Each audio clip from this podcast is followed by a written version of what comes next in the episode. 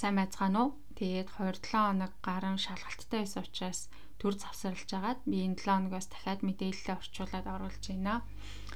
Тэгээд энэ 7 хоногийн миний сонгож авсан сэдв болохоор аавын өөрөг рол хүүхдийн хүмүүжүүлэлт хэрхэн нөлөөлдөг талаар аа ер нь мэдээлэл хайсан байгаа. Тэгээд хүүхэд сайн өсөж тойрноход ээжийн анхаарал халамж оролцоо маш чухал байдгийн адил аавын өөрөг хариуцлага оролцооч маш чухал тооцогддог байх нь. Гэхдээ эцэг эхийн хүүхдтэй ойлгуулж, таниулж, мэдүүлэх зүйлс харилцан адилгүй байдаг.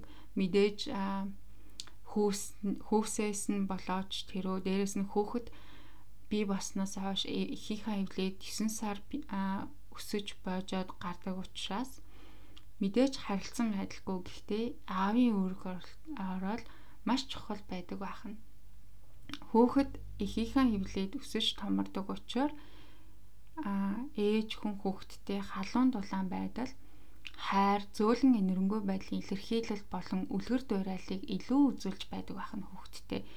Тэгээд хүүхэд өөрийнхөө хүч, эрх мэдлийг бүрэн мэдэрч илрүүлэхэд эхийн тэр болцолгүй хайрыг мэдрэх хэрэгцээ байдаг нь хүүхдэд.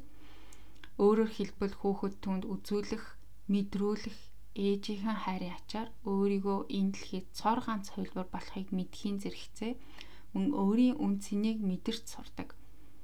Харин эсэргээрээ аав хүний зөв оролцоо хайрын зөв илэрхийллийн ачаар хүүхэд өөрийн хэл хязгаар болон өөр бусад хүмүүс энэ дэлхийд байдаг болохыг аавынхаа ачаар мэдэрч хаарч сурдаг байх нь. Яг гэвэл мэдээж энэ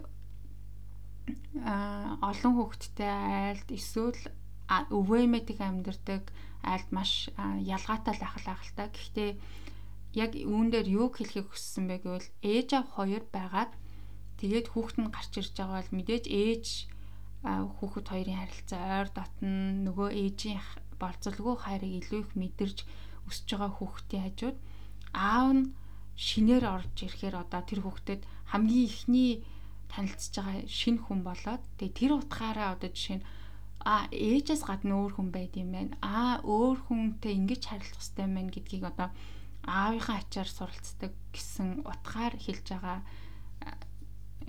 хэлж байгаа үйлбэр. Гэхдээ мэдээж хүүхэд ах ихчтэй бол тэднээс бас энэ зүйлүүдийг сурж сурна гэсэн үг. Эмээгөөс суралцсан гэсэн үг. Гэхдээ аав хүн гэдэг хамгийн түрүүний энэ зүйлийг ойлгуулж өгдөг хүн шүү. Тийм учраас аавын үүрэг ороод маш чухлаа гэдгийг хэлэх гэсэн санаа нь энэ өгүүлбэрт байгаа.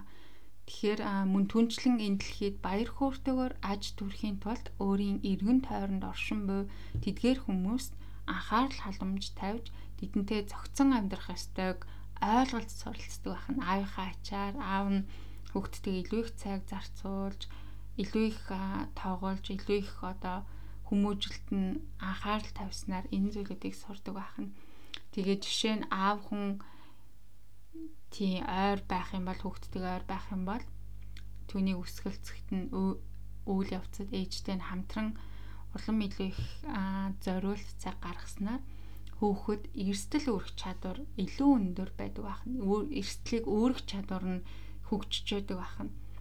Тэгээд мөн гэр бүлээс гадуурх орчинд илүү их санаачлагтай нэгэн байх чадвар чадвар илүү их хөгждөг юм байна бас. Тэгээд ямар нэгэн сорилтыг давж туулах хандлагатай нэгэн болох төдийгүй санаандгүй үйл явдал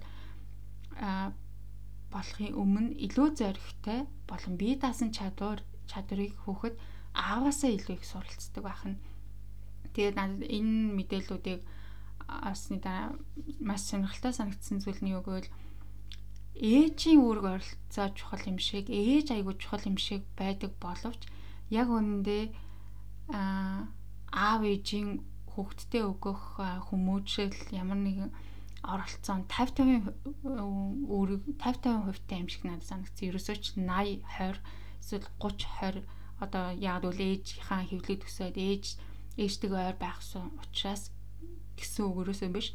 Хэрвээ аав өөрийнхөө үүрэг ороолыг ухамсарлаад тэгээ яг илүү их цаг зарцуулах юм бол яг хүүхэд сурах ёстой зүйлүүдээ 50 50%-аар нээж яваасаа а суралцаад өсөж ториндоо юм шиг санагдсан надад маш сонирхолтой санагдсан энэ мэдээллийг орчуулснараа тэгээд та нарт ч гэсэн таалагдаж бас мдээгүй шин зүйлүүдийг мэдэж авсан гэж найдаж байна.